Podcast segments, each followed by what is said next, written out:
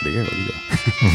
Øh, Forestil dig selv på en båd på en flod, hvor du river dig fri af alt du forstod. En stemme, der kalder, du svarer, du fik hendes smil fra et sidrende blik. Syntetiske skyer, krystaller, der gror og omfavner dig, hvor du stod. Se, hun har solen som kronen på hovedet, hun er væk.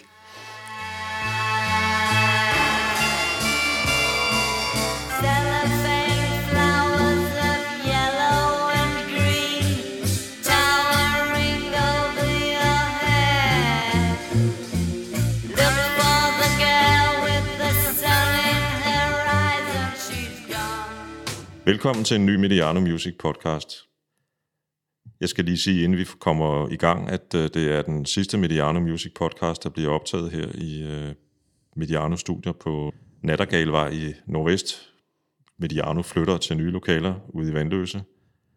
Og der er sket det, og det kommer I til at høre mere om, kære lyttere, at øh, Mediano Music har fusioneret med øh, sitet POV International, som efterhånden gennem de sidste 5-6 år har vokset sig til et stort medie, der når mange tusind mennesker hver dag. Og det er et samarbejde, som øh, jeg glæder mig til at komme i gang med for alvor. Men forløbet så handler det om øh, en trio ved navn Fribytter Drømme, der netop har udgivet albumet Ikke bange for at dø, men redselslagen for at miste livet.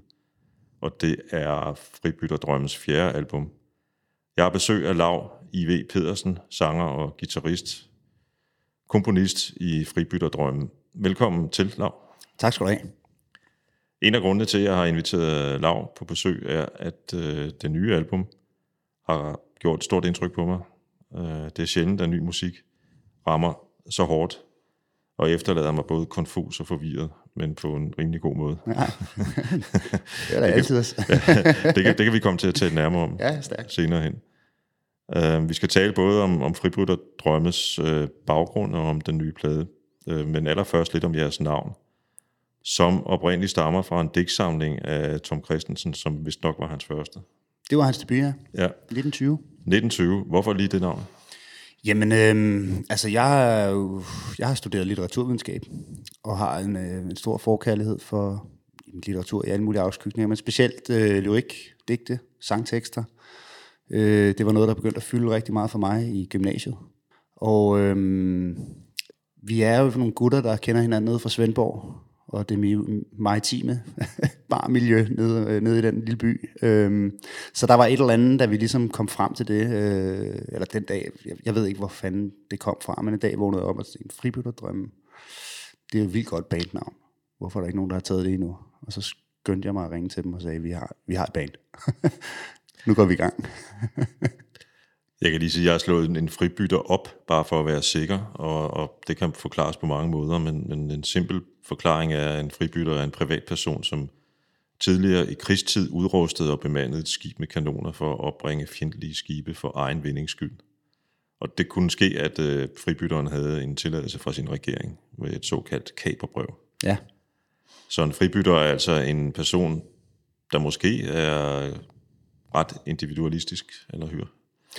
Ja, har en retning for sig selv, ikke? Ja, individualistisk. Øhm, og har et eller andet at vinde ved det, tror jeg, øh, på den retning, man nogle gange stikker. Øh, med til det her bandnavn ligger også, at jeg har ekstremt meget, eller var meget inspireret af The Doors, og deres tilgang til ligesom at knytte rockmusik til noget litterært. Så på den måde var det meget inspirerende, at The Doors har fra The Doors of Perception af Aldous Huxley, og ligesom har taget alt det ind over. Ikke? Så jeg var sådan, altså jeg kunne rigtig godt lide den tilgang til det, og ligesom inddrage en eller anden form for, lad os kalde det kulturarv, eller sådan noget lignende, og bygge videre på, eller bygge ovenpå, tage udgangspunkt i, og forhåbentlig også gøre til, sådan noget, til sig ens eget. Ikke? Ja. Tom Christensen boede vist nok i Svendborg også, eller i nærheden. Han døde nede på Turø, På som Thurø, er ja. lige mellem Langeland og, og Svendborg. Ikke? Ja, Ja, Han lige ja. skal, skal et bump over. Og nu bor min familie, de bor nede på Langeland og på Strynø, og ja, vores andre, altså vores familie bor stadig dernede. Ikke? Så Ja. vi, vi ender, havner dernede en gang imellem ved højtider. Tom Christensen har indimellem sådan lige stukket hovedet frem i dansk rockmusik i andre sammenhænge. Mest kendt øh, i dag er måske øh, Det Knud, som er død. Ja. som Minds of 99 lavede Ja, et nummer over. Øh, Kim Larsen har en sang, der hedder En sønderskudt banegård, som også er, ja. som også er Tom Christensen Jeg synes, vi skal begynde med at lytte til et nummer fra jeres øh, andet album, tror jeg det er, Super Ego. Ja. Og det er et nummer, som hedder 1809 1986.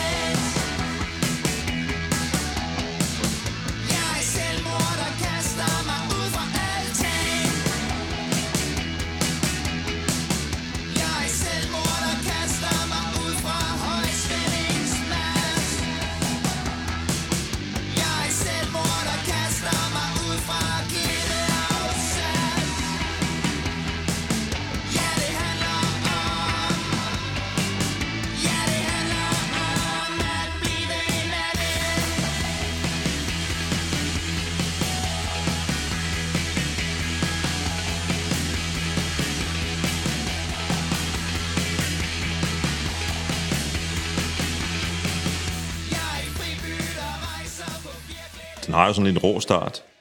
Jeg er en selvmorder, øh, og ender med en pointe. Ja, det handler om at se sig undfanget. Ja. Men det har simpelthen noget at gøre med, at 1809 1986 er ni måneder før min fødselsdato.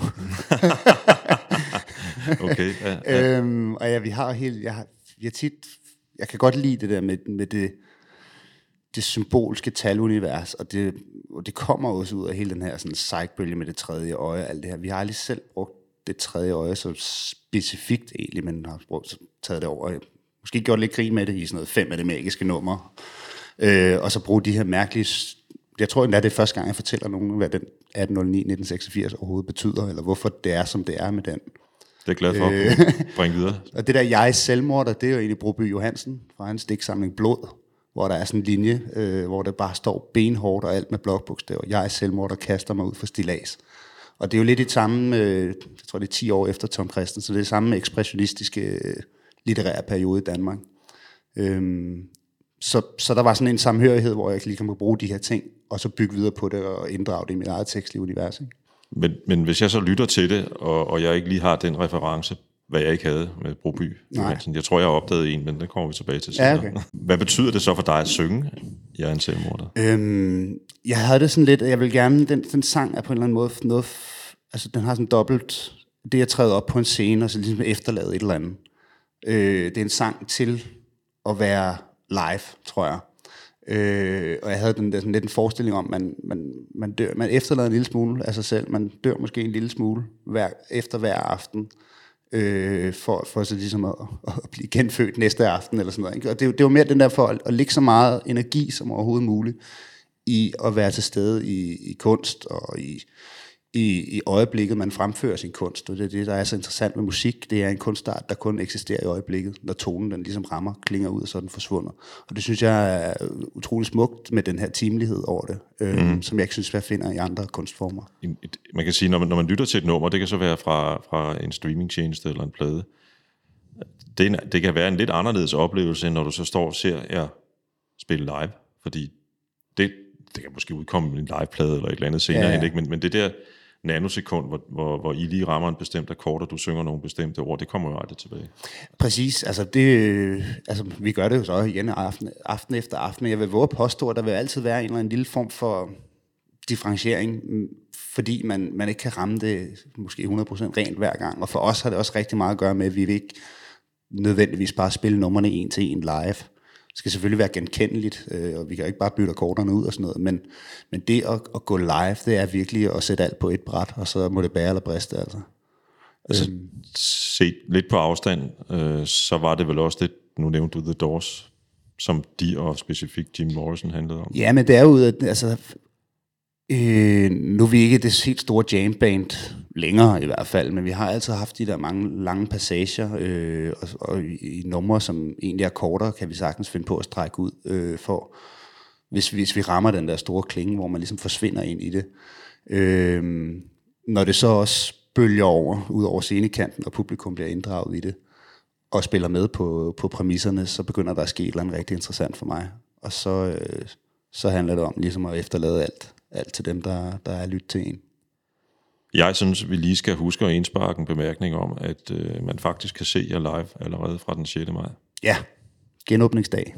Simpelthen på selve Det genåbningsdagen. bliver så fedt, og vi glæder os helt vildt. Altså. Vi er i fuld gang med at forberede os i julekældet. Ja, det må, blive, det, det må være helt vildt. Altså, det er jo ikke bare jer, og hvad I måtte have opbygget af, af, af hvad kan man sige, øh, indetrængt, indestængt, Ja. en eller anden lyst til at komme ud og, og trykke den af, men det er jo, det er jo en hel branche. Altså, Det er en hel branche, der er i knæ. Vi glæder os til at komme ud og være med til at sætte noget liv i den igen. Altså, øhm, der er mange, både musikere og folk, der arbejder med musik rundt omkring scenerne, spillesteder, der har haft det meget værre end os, fordi vi har været så heldige at få gennemført alt, hvad vi ligesom skulle have gennemført. Og ja. sidste år, i nedlukningsåret, øh, så har vi lige ramt de der lommer, hvor der har været åbent, og det på en eller anden måde kunne lade sig gøre. Øhm, men det er da lidt en, en, sådan en ære at få lov til at, at, at stille sig op på scenen igen den dag, det hele det, det, det åbner op, altså.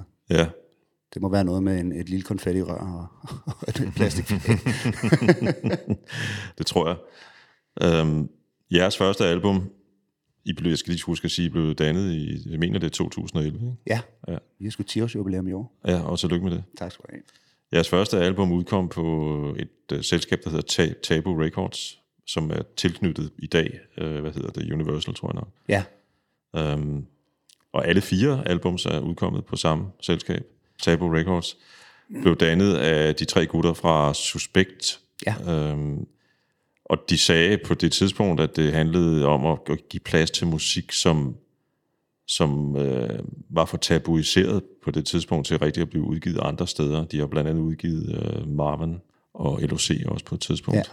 Ja. Øhm, føler du, at, at, at du beskæftiger dig med, med tabubelagte emner? nej, det gør jeg ikke. Øh, jeg, den tilgang, sådan som jeg har forstået det med drengene derude, det var jo i hvert fald også, der var ikke nogen, der gad udgive, sus, udgive suspektsmusik, fordi det var så voldsomt, og så øh, in your face. Øh, og de synger jo meget om sex, og meget af det, de, på den måde, de synger om, det er tabubelagt, tror jeg. Så jeg tror, det er tilgang, de har taget til det.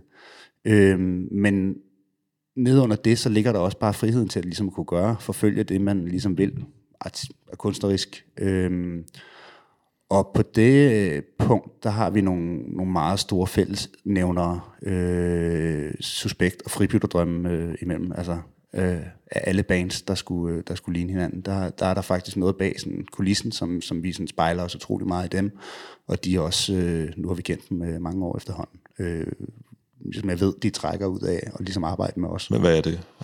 Jamen, det er den her... Øh, et, altså, helt klart fællesnæmmer er nogle gamle venner, der mm. ligesom har fået, fået lyst til at arbejde sammen med det her. Og en ting er at kunne holde en fed fest, men en anden ting er også at kunne sætte sig ned, koncentrere sig og, og rent faktisk opbygge en, altså på papiret en forretning, eller, øh, eller et foretagende, hvor man ligesom har et, et klokkeklart mål. Øh, inden for det, så er der en masse samvær, øh, og, og når man så lykkes, så lykkes man sammen, og når man fejler, så fejler man fandme også sammen. Øh, og, og de ting, der, der er bare nogle... Der, der kan jeg bare se, at vi, vi er sgu meget ens, altså. Øh, der, så er der ikke så langt fra Svendborg til Albertslund, selvom, øh, selvom der måske er knap så smukt derude. ja, ja, nej, nej, det, meget kan man sige om Albertslund, men ikke at det er smukt. Det her handler jo også et eller andet sted, som, som set, for mig, set, set for mig udefra, om loyalitet, altså mellem jer og jeres selskab, ikke? Ja, altså vi... Øh, da, da vi udgav vores første plade, havde vi udgivet en single på et lille øh, undergrundslabel, der hed Levitation Records. En lille syvtommer single. Øhm, og det, det var egentlig også meningen, den første plade der, den øh, uh, Labyrinths Farve, den skulle ud på det selskab. Men vi indspillede den ude i, øh, i det studie, hvor Suspekt også holdt til.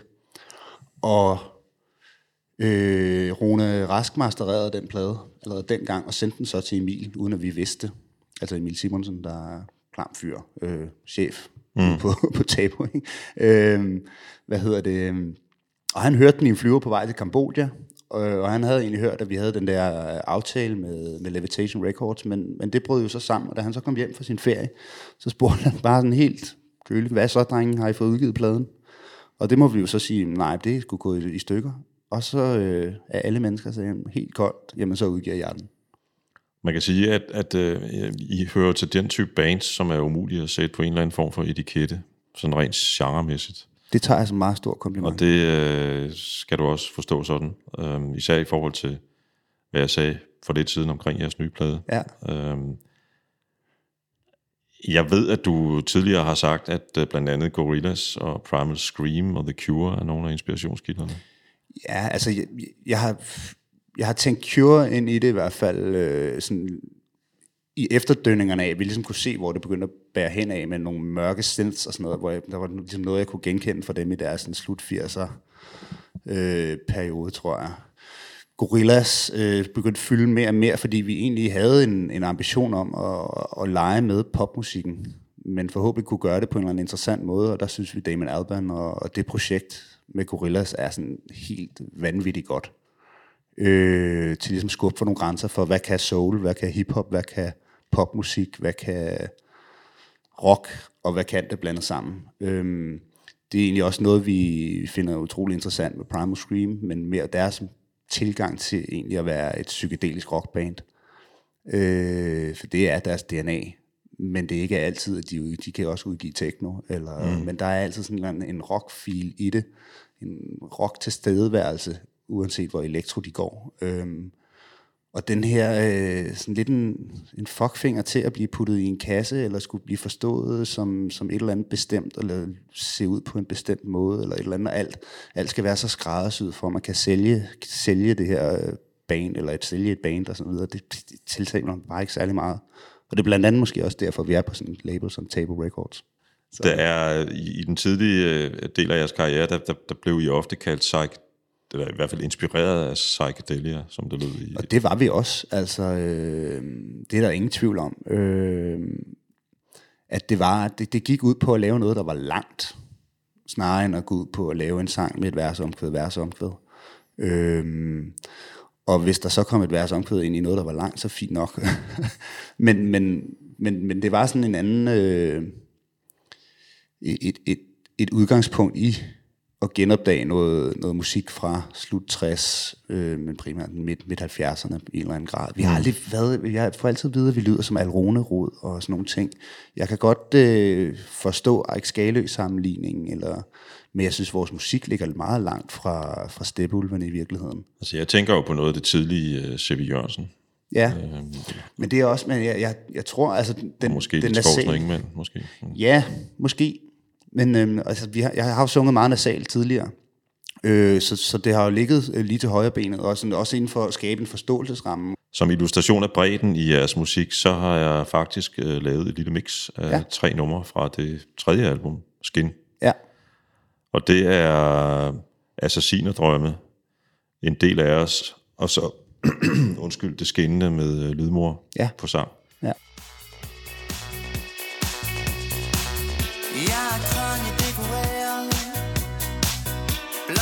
Søn af verdens drøm. Jeg er søndens højre hånd. Hvis du har tid, så kys min mund. For jeg er legemorder Og blot forfalden til dig.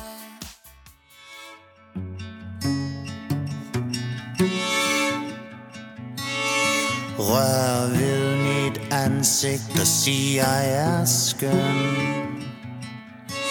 Så glemmer jeg alt til i morgen. Og begraver mig i himlen Og hviler mig i din favn.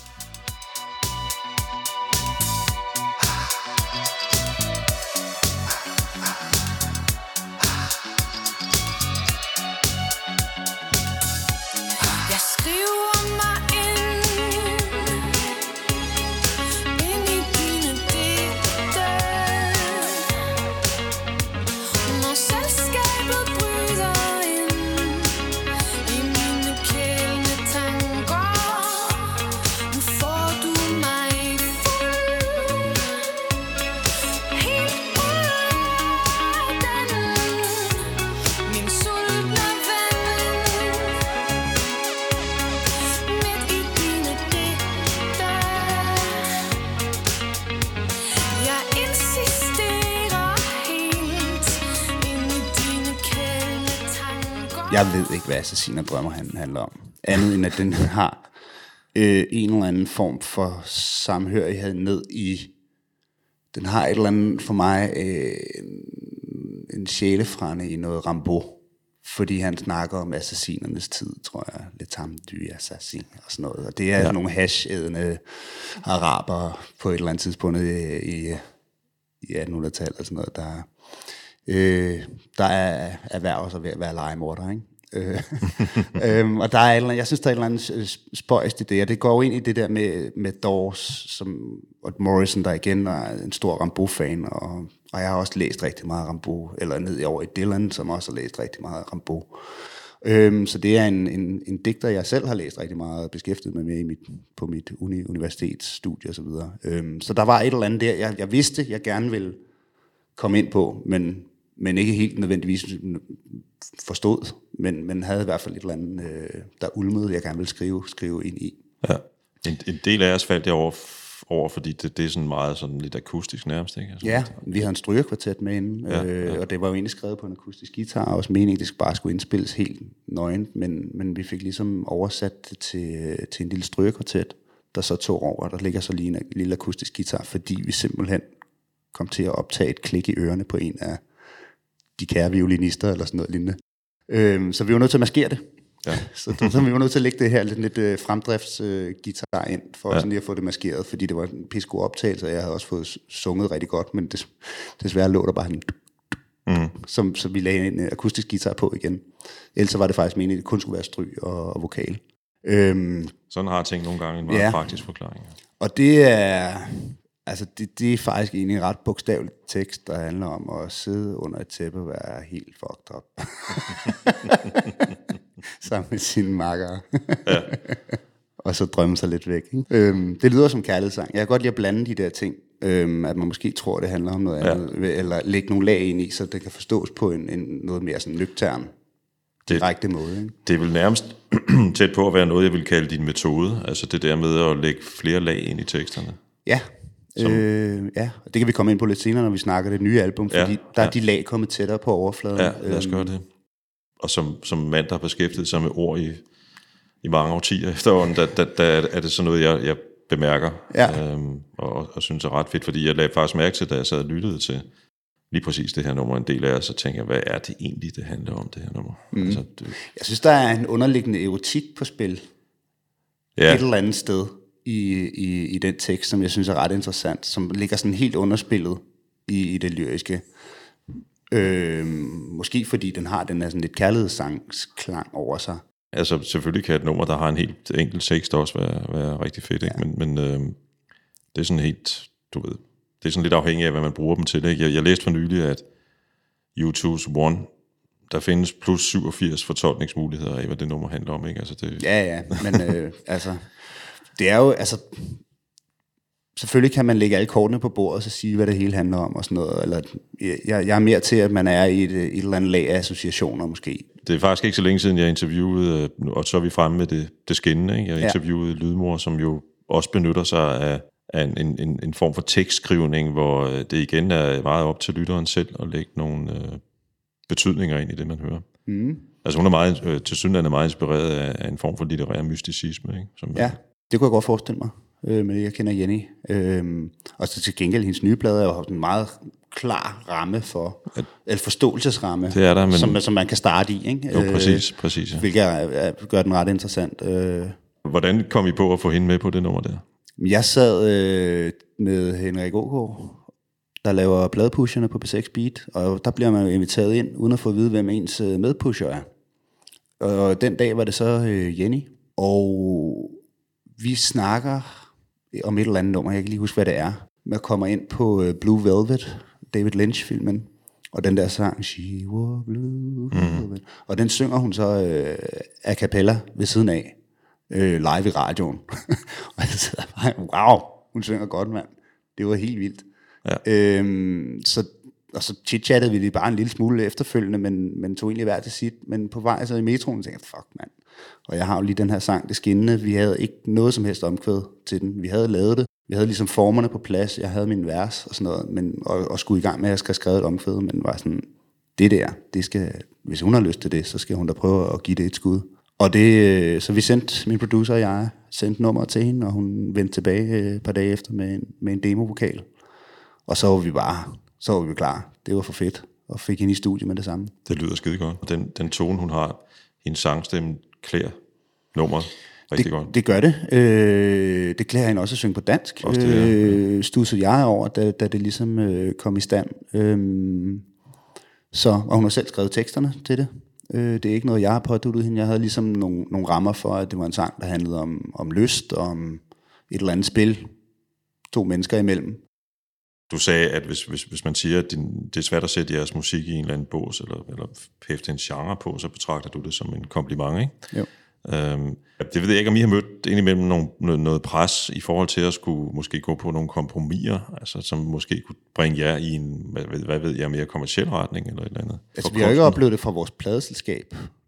Så det har været, vores egne sådan, ambitioner, øh, hvis man skal snakke om, at vi er gået i en, en mere kommersiel retning, eller mere mainstream lyd, eller lidt mere renskåret, eller hvad man nu skal kalde det. Øh, og ligesom skubbe til rammerne for, hvad, hvad vi sådan rent teknisk kan finde ud af.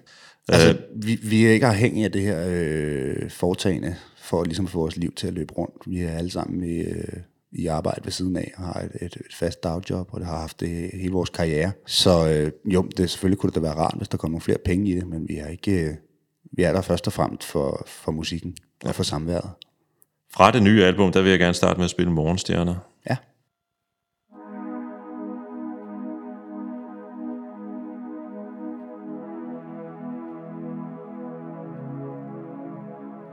Hold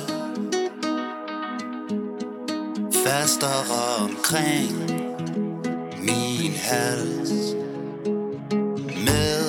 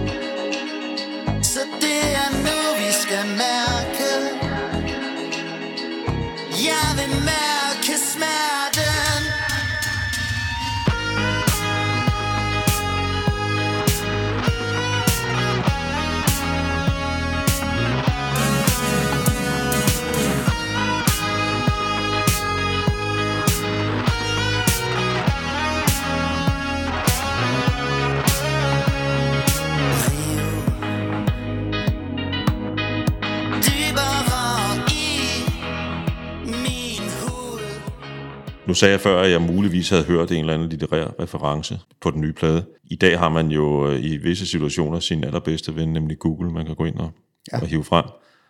Og holde fast med dine hænder, som du sang i den allerførste linje. Det er vist muligvis en gammel, øh, eller en hilsen til en gammel Emil Overstrup digt eller sådan Det er fuldstændig rigtigt.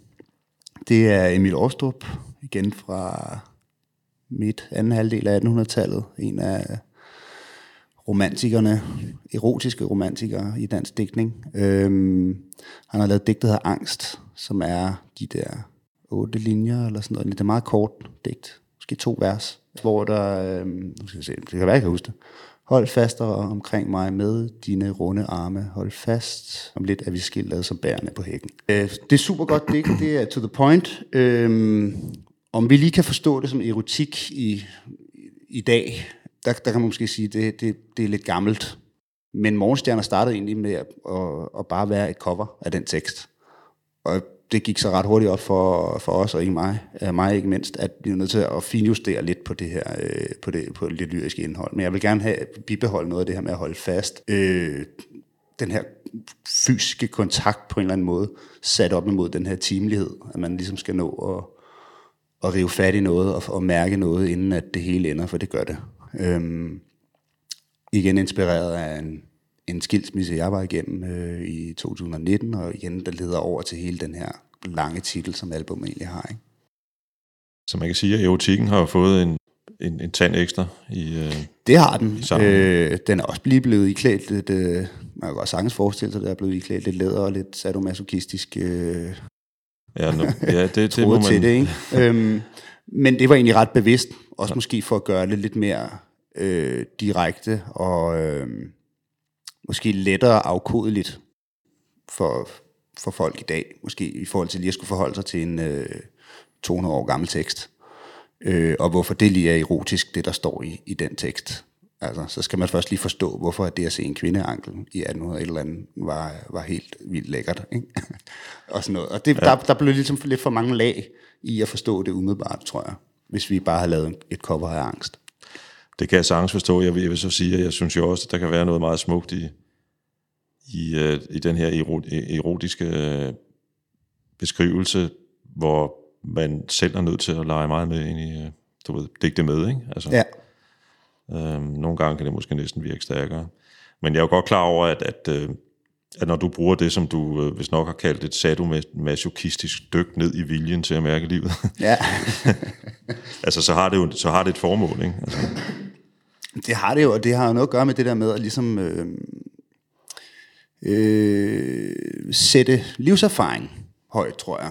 Og det er jo måske noget, man øh, er gået op for mig, at det kan jeg begynde at, at trække lidt mere på, efter jeg kommer op på den anden side af 30'erne, øh, i forhold til at være øh, 25 og lave labyrintens farver øh, hvor det var nogle helt andre ting, øh, hvor antennerne langt, langt ude i, hvad, i litteratur og alt muligt, hvad, hvad rørte sig, ekspressionisme, sy- surrealisme, alt sådan noget, ikke? Og øh, også op igennem superego, men hvor ligesom, okay, nu er der også kommet noget, øh, noget i kufferten, som man måske kan dykke ned i, hvor man lærer sig selv bedre at kende. Og der blev det her sådan meget symbolsk i virkeligheden for, for sådan den tankegang, tror jeg. Og det pladen sådan egentlig handler om. Så jeg har egentlig kaldt det her nummer sådan, øh, pladen sådan, øh, hvad hedder det, overtyre, ikke? Den åbner sådan ligesom op til Ja. det her symbolunivers, man nu så skal træde ind i. og, og noget, af det, noget af det, man også bemærker i overturen, som du kalder det, det er jo også, at øh, nu er Rune Rask med, som, og også en fyr ved navn Anders Bass, Ja, med som, som øh, producer, og ikke længere executive producer. nej, det er, det er lige på hårdt, og det, det hører man lige, lige så snart bassen den rammer.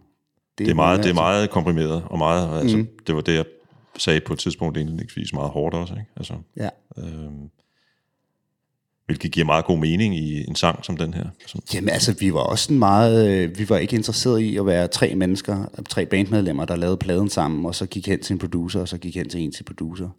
Vi, vi satte et femmandshold, og ligesom sagde, prøv at høre, øh, vi, vi skal skrive det her sammen, og vi har nogle forskellige roller. Øh, nogle kan spille guitar, nogle kan spille keyboards, nogle kan spille bass, nogle kan finde ud af at producere, og så videre, så videre.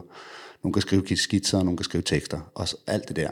Og så, så, så det er sådan egentlig meget, for mig, der har siddet bag tæppet fri, i Fribytterdrømmen hele vejen, egentlig ikke noget nyt. Det, det her, ligesom, hvad, kan man, hvad kan man tilføje, hvad kan man komme med, som øh, er, er evner eller idéer, øh, og så får vi, får vi det bedste ud af det, øh, folk ligesom kommer med.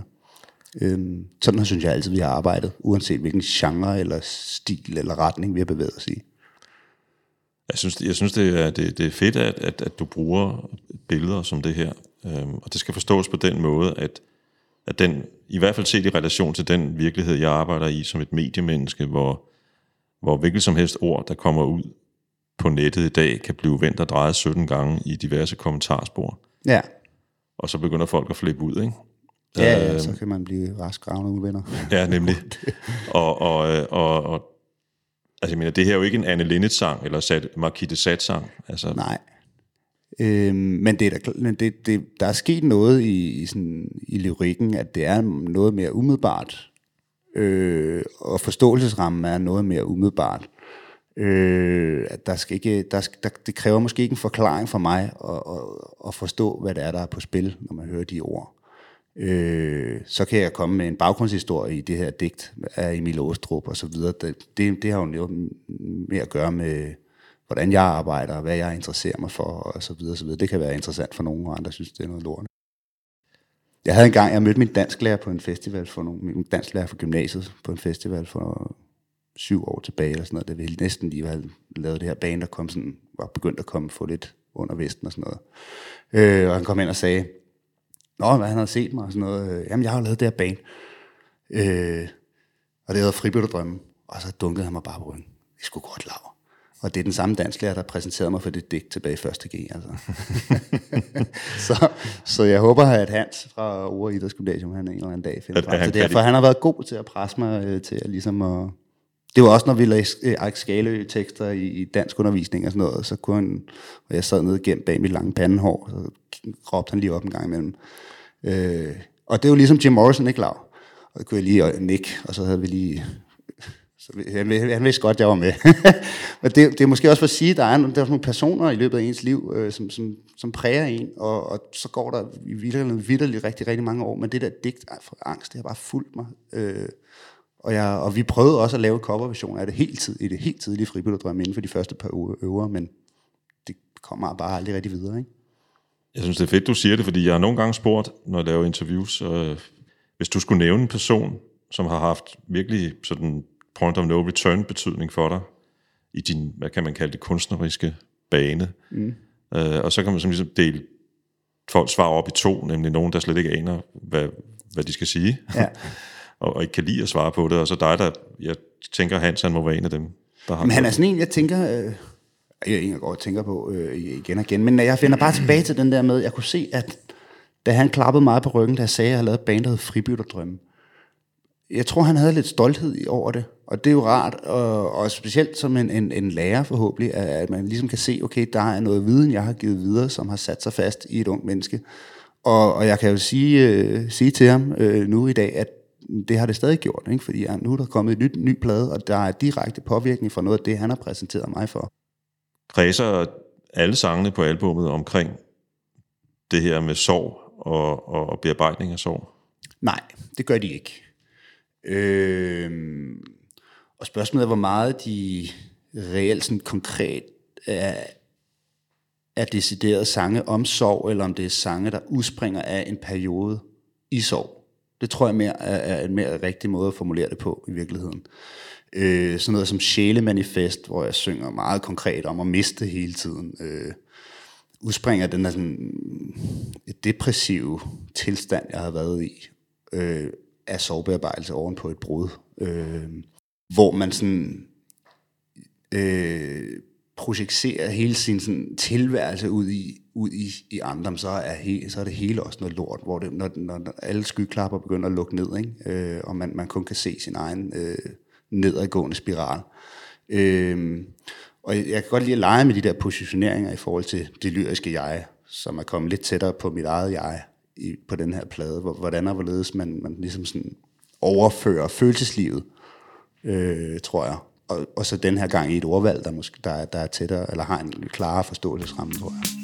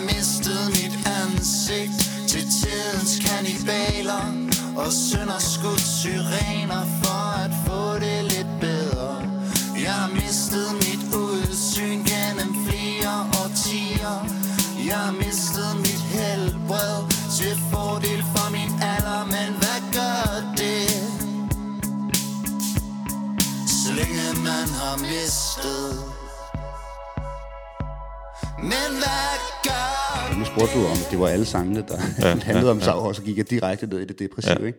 Men der er også masser af, af, af livsglæde, tror jeg, eller i hvert fald en implicit livsglæde på spil hele tiden. Øh, Og så er der en masse sex. og det er, sjovt. jo ret og skønt dejligt. Krystalpaladset er der et nummer, der hedder på Ja. ja. pladen. Uh, og umiddelbart så tænker jeg sådan et, igen sådan tilbage i, i måske helt ned til sådan noget 1800-tallet eller et eller andet uh, Rusland eller sådan noget. Men i virkeligheden handler den om lige nu nærmest. Jamen det gør det, men det er ikke helt forkert det med 1800-tallet.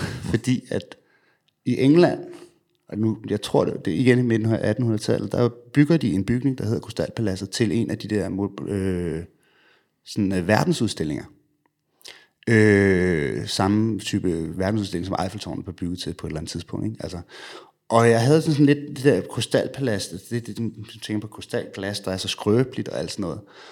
Og på samme tid, så var hele verden fandme bare ved at brænde sammen. Det, at vi sådan lever i en moderne verden, hvor alt kan lade sig gøre, al information er tilgængeligt og sådan noget, så synes jeg lige pludselig var så skrøbeligt, og det er derfor, jeg brugte den, den titel til det. Øh, fordi den tid, hvor den her tekst bliver til, så er der øh, kæmpe kønsdebat. Øh, Donald Trump øh, ruder rundt i den sidste tid af hans præsidentperiode, og det er ligesom om det hele det er ved at spidse helt vildt til. Black Lives Matter springer i luften. Øh, hvad hedder det, igen for at vende tilbage til Lydmor, hun går på, på skærmen og debatterer med Poul Madsen fra Ekstrabladet, eller hvad det nu er. Ikke? Øh, og så blev, så blev jeg også sådan helt, tabt helt pusten, tror jeg. Specielt som en øh, privilegeret øh, ung, hvid mand, der ikke har haft de helt store problemer, andet end de egen, eget følelsesliv. Øh, og, øh, og det er egentlig sådan lidt et, øh, en positionering af det her lyriske jeg, på hvordan fanden skal man navigere i alt det her? For man vil gerne, jeg er ud af sådan en, en venstreorienteret tankegang i hvert fald, øh, man ligesom skal løfte minoriteterne og sørge for, at der er god uddannelse, og alle de her ting, at alle kan komme til fadet, tror jeg. Men der var også lige pludselig en masse ting, hvor man, øh, hvor man bliver konfronteret med øh, for- eksempel den her privilegieblindhed som øh, hvid, ciskønnet, heteroseksuel mand, ikke? Øh, hvor man ikke, man ikke føler, at man egentlig har gjort noget, man er alligevel nødt til at tage stilling til det. Øh, og så blev jeg egentlig ramt af sådan en stor, øh, fuck, så lægger jeg mig sgu bare lige ned en gang, og lige prøver at trække vejret. Og det er egentlig den tekst, der sådan, den ruller mm. øh, bare. Det er også noget, jeg elsker med, med sprog, og, med, og som jeg har brugt tidligere i forskellige sange, det her med, når t- forskellige sætninger bare overtager hinanden, og det hele, det bare ruller derud. Og det var egentlig meget rammende for min oplevelse. Sådan meget, sådan, det var sådan, måske et par dage, eller sådan hvor jeg bare sådan, wow, hvad fanden foregår der? Vi har det fedeste samfund i verdenshistorien, men det brænder, brænder os alle steder. Der er ildbrand overalt. Øh, og kunne mennesker måske ikke bare få det til at ske, fordi vi kan, vi kan jo kommunikere med alle, og viden er tilgængeligt, og så videre, så videre. Ikke? Øhm, men så jeg har stor respekt for, for, for Jenny Lødmor, og det, det hun ligesom øh, gik ind i der. Ja, den Øhm, bevægelse, hun er ja. i gang med. Øh, men man er også nødt til, jeg, jeg har ikke løst min egen øh, sådan standpunkt endnu, andet end at øh, sådan lidt overordnet har en venstreorienteret tilgang til det, og at øh, jeg sætter uddannelse meget højt. Øh. Altså, jeg, jeg, jeg synes i hvert fald, at, at Jenny og mange andre med hende har nogle, en vigtig pointe omkring det der med, at hvis man vil udtale sig om, lad os bare sige, Me- MeToo-debatten, eller vil man udtale sig om øhm, sortes forhold i USA, nuværende, historisk, så er det en fordel at prøve at sætte sig lidt ind i, hvad det er, man taler om. Og det skal man jo. Altså, det, det tænker jeg, det er... Altså, men det, det er jo ikke nødvendigvis sådan, det er i de kommentarspor, jeg snakkede om. Nej, det, det er det godt nok ikke. Øhm, og hvis man ligesom øh, gerne vil tale øh, fokuseret om det, lad os, kalde det, lad os sige det sådan, for, for nu ikke at falde, ned, falde til de kommentarspor, så skal man også vægte sine ord rigtigt, tror jeg. Det, det jeg læste et interview med Jenny, om hvor hun ligesom virkelig til, til andre, der måske vil tænker på at gå ind i den her debat, bare vent. Folk de sidder klar til, at du bare laver en lille bitte fejl. Ikke? Øh, så, så, ja, det er rigtig svært, for det er nogle utrolig spændende emner, og jeg tror, der er rigtig, rigtig meget godt i at få de her øh, strømninger og emner vendt, fordi det i virkeligheden handler om, hvordan vi er med hinanden. Men hvis det lige pludselig også bliver svært at snakke om, fordi der sidder sådan nogle internet-trolls eller et eller andet, eller man bare bliver hældt på heksebålet eller sådan noget lignende, ikke? altså, det, det synes jeg, det er meget, meget ærgerligt. Så stor props til dem, der sådan virkelig øh, ja. går foran til, i sådan noget der. Øhm, det her det er ikke nødvendigvis et bidrag til den debat, lige den her sang, men Nej. det var mere noget, der som vækkede noget i mig, hvor øh, jeg har også lige pludselig måske ture øh, koncentrere mig lidt mere øh, ud af i, i noget, der er samfundsrelateret, frem for altid at søge, søge ind af eller op i mit hoved.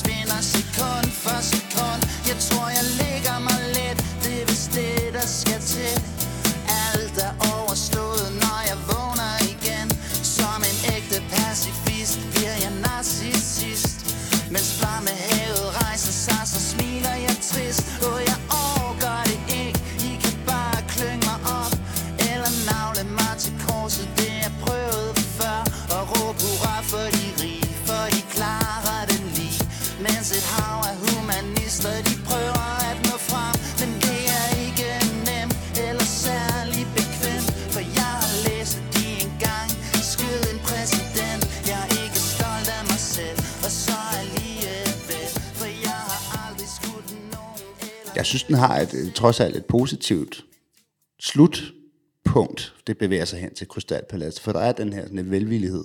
Og det kan man så sige, det er måske et udtryk for min egen. Lad os prøve at, at se, om vi ikke kan få det til at fungere. Ikke? Jeg synes der er også, at der er, der er håb på din plade mange steder, faktisk. Det synes jeg bestemt, Eller på der er. jeres, undskyld, jeres plade. Ja, ja, det synes jeg bestemt, der er. Øh, fordi jeg, jeg, jeg er meget håbfuld, men jeg kan godt lide at være i live og, og, og leve livet og have det, have det sjovt og fedt og lykkeligt og alle de her øh, helt normale ting, som man stræber efter. Altså. Øh, men man bliver måske også mere opmærksom på, hvorfor man er lykkelig, hvordan man er lykkelig og sådan noget, hvis man har en, et, øh, noget erfaring med ikke at være det. Mm. og det, det igen pladetitlen, der, den var egentlig inspireret af noget så simpelt som yin og yang, hvor det ene det be, betinger det andet. Du kan ikke se det mørket, for, hvis du ikke øh, har kendskab til lyset og omvendt. Ikke? Øh, sådan meget kliché egentlig. Jeg tror muligvis, jeg forstår, hvad du mener. Men du kan, det kan være, du kan forklare mig det her. Øhm, altså titlen, øh, titlen kommer, lige den sætning, det er noget, jeg har haft liggende i noget tid, øhm, og det kommer ud af, jeg har en, en, en linje i en øh, digtsamling, jeg udgav i 14, som er, øh, livet gør døden mulig, som døden gør livet værd at leve. Øh, og det er måske i virkeligheden lidt en omskrivning af det, som, som jeg, jeg, jeg vidste, jeg ville gerne bruge den her formulering, men jeg kunne ikke få det til at passe øh, rigtigt, og den blev, blev måske også lidt for bombastisk. øhm, så det, så vi endte, jeg endte ligesom på det her, ikke bange for at dø, men altså slagen for at miste livet. Og det handler rigtig meget om sådan lidt en pragmatisk tilgang til det der med at dø, at jeg har sådan lidt, jamen, det er svært at forholde sig til andet, end at man skal det. Mm. Og, øh, og det, det er ikke første gang, jeg siger det i interview, men jeg synes simpelthen, det er sådan en fin pointe, det der med, der er ikke nogen grund til at være bange for at dø, for du har prøvet ikke at eksistere. Du har været ufødt. Mm. Også for lige at vende tilbage ind i 1809, øh, 1986 og alt det der. Ikke? Mm. Så det er egentlig noget, jeg har spillet på før det her med at være ufødt, eller være, være død, eller selvmordet, eller hvordan man lige sådan hænger sammen blandt det her. Men hvis du bare lever dit liv og kun eksisterer, men ikke lever, altså, det er jo også noget, vi alle sammen ligesom kan forholde sig til. Og det er ligesom det, der ligger i anden halvdel af det her redselslagen for at miste livet. Øh, og der handler det ligesom over at gøre op med sig selv, hvad giver mig glæde i mit liv? Hvad vil jeg gerne forfølge? Hvilke drømme har jeg? Hvilket menneske vil jeg gerne være over for de mennesker, jeg befind, øh, omgiver mig med? Og så videre, så videre, så videre. Og der har en, en skilsmisse haft et kæmpe øh, sådan impact på et, et, et decideret sådan år 0 på et før øh, og et efter øh, Lav I.V. Pedersen. Hvordan det? Øh, intenst. Det sidste nummer, vi skal høre, hedder Hun har solen som kronen på hovedet. Ja. Jeg havde faktisk se, hun har solen som kronen på hovedet. Det er rigtigt, ja. det er, der har Rune da også sat sit uh, præg der. Det Det har han bestemt. Øh, er meget dansabel ting. Ja, men det er ikke ham. øh, Han var faktisk ikke så meget lige over at skrive det, men mere til at få de elementer, vi havde Okay, skrevet sammen ja. med Anders, øh, virkelig til at pop, poppe i hovedet på en. Ikke? Han har været med til at tage nogle rigtig fede beslutninger. Jeg tror blandt andet, det var ham, der sagde, at vi er nødt til at få en kvinde til at synge på det her. Øh, og så havde vi lige en, øh, en veninde, øh, som tænkte, det, det kan hun nok lige klare. og det kunne hun. Det er pissefedt. Altså. Ja, hun- det, det, er, det, det, det, fungerer skide godt Ja. ja. på, på det nummer der. Øhm. Og igen er der da også lidt erotik ind over det. her. Det er der bestemt. Altså, der er et eller andet spil øh, i det, øh, i det, i den tekst, øh, som egentlig er overrasket mig lidt, fordi det er en, øh, en gendækning af Beatles, øh, Lucy, in the Sky, with Diamonds, som jeg ikke forbinder særlig erotisk. Øhm, Nej, tværtimod, det er jo, Altså- altså, altså, ifølge John Lennon er det jo hans søn, der har Ja, præcis. lagt brikkerne ind. Så det, det, det, det vil være lidt forkert at tænke over ja. i sådan en sammenhæng. Ikke? Ja. Øhm, men men min, min sådan lidt ordvalg øh, i det, jeg ved ikke. Det kan, det kan være, fordi jeg også var midt i den her arbejdsproces med pladen, at det, det erotiske er på spil på den her plade. Øh, øh, så, så da jeg, jeg blev inviteret til at spille en, øh, en hyldskoncert for John Lennon i forbindelse med sådan 40 år for hans død. Ja, det var, det hans var 80 års i fødselsdag, de- så det var det slut ja. øh, Ja. på, på Vega, der så aldrig blev til noget, og corona og alt det der. På grund af corona, ja. Ja. Øhm, men jeg gik alligevel i gang med at så ligesom, okay, nu giver jeg lige det her et, øh, et skud, for lige terminologien for pladen, mm. øhm, og prøve at, ge- at gendigte den her. Jeg har ikke oversat den, jeg har prøvet at gendigte den. Man kan ikke oversætte digte, det tror jeg simpelthen ikke på. Man er hele tiden nødt til at gendigte, eller sangtekster, hvis de mm. kommer fra et andet sprog. Ikke? Og så lige pludselig endte, endte jeg over i det her, den, den kan synges hen over Lucy in the Sky with Diamonds. Øhm, og det kan jeg godt lige gøre. øh, forestil dig selv på en båd på en flod, hvor du river dig fri af alt du forstod. En stemme, der kalder, du svarer, du fik hendes smil fra et sidrende blik. Syntetiske skyer, krystaller, der gror og omfavner dig, hvor du stod. Se, hun har solen som kronen på hovedet, hun er væk. Det var sådan lidt der, den, øh, den landede for mig, og så fik vi det ligesom tilpasset til, Ja. at den skulle ind i Ja. et helt andet univers. Hvor den ligger et helt andet sted. Ja. Ja. ja. Øhm, men det synes jeg, det er fedt. Det er stille og rolig valgstekst, og det, det er noget, jeg egentlig også arbejder rigtig meget med, ords øh, sådan metrik, Ja. øh, eller øh, sætningers metrik. Hvad Okay, kan ja, det, det interesserer mig bare. Det er sådan lidt nørdet, men Jo, jo, men altså, hvis man er, du har gennemført litteratur, videnskab. næsten. jeg er nået til specialet, Ja, og så løber jeg jeg- tør for SU. Jeg var lige ved at sige, jeg, jeg var lige ved at sige her tidligere, da, da du nævnte det, at du er virkelig en af dem, der har gennemført det studie. Men, øh, Jeg har en bachelor, og ja, ja. en helvedes masse i CTS-point fra kandidaten. Men ja. øh, jeg, jeg tabte også pusten i det. til gengæld har du ikke tabt pusten som sanger. Nej, Og altså det, musiker. Jeg synes, det er fremragende at have, have en platform, hvor jeg faktisk bare kan få lov til at gøre lige, hvad jeg vil lyrisk. Øh, at der til med er nogen, der gider lytte på det, giver jo sådan en lidt blod på tanden. Ja.